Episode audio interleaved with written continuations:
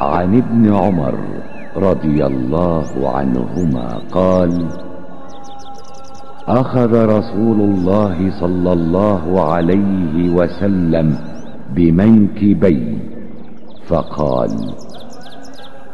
كن في الدنيا كأنك غريب أو عابر سبيل. وكان ابن عمر يقول إذا أمسيت فلا تنتظر الصباح وإذا أصبحت فلا تنتظر المساء وخذ من صحتك لمرضك ومن حياتك لموتك. رواه البخاري.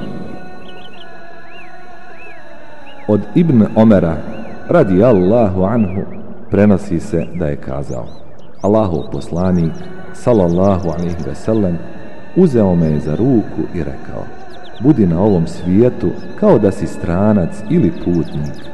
A Ibn Omer, radi Allahu anhu, je imao običaja reći Kada zanoćiš, ne očekuj sabah. A kada osvaneš, ne očekuj večer. Od svog zdravlja uzmi za svoju bolest, a od svog života za svoju smrt. Ovu predaju bilježi Buhari.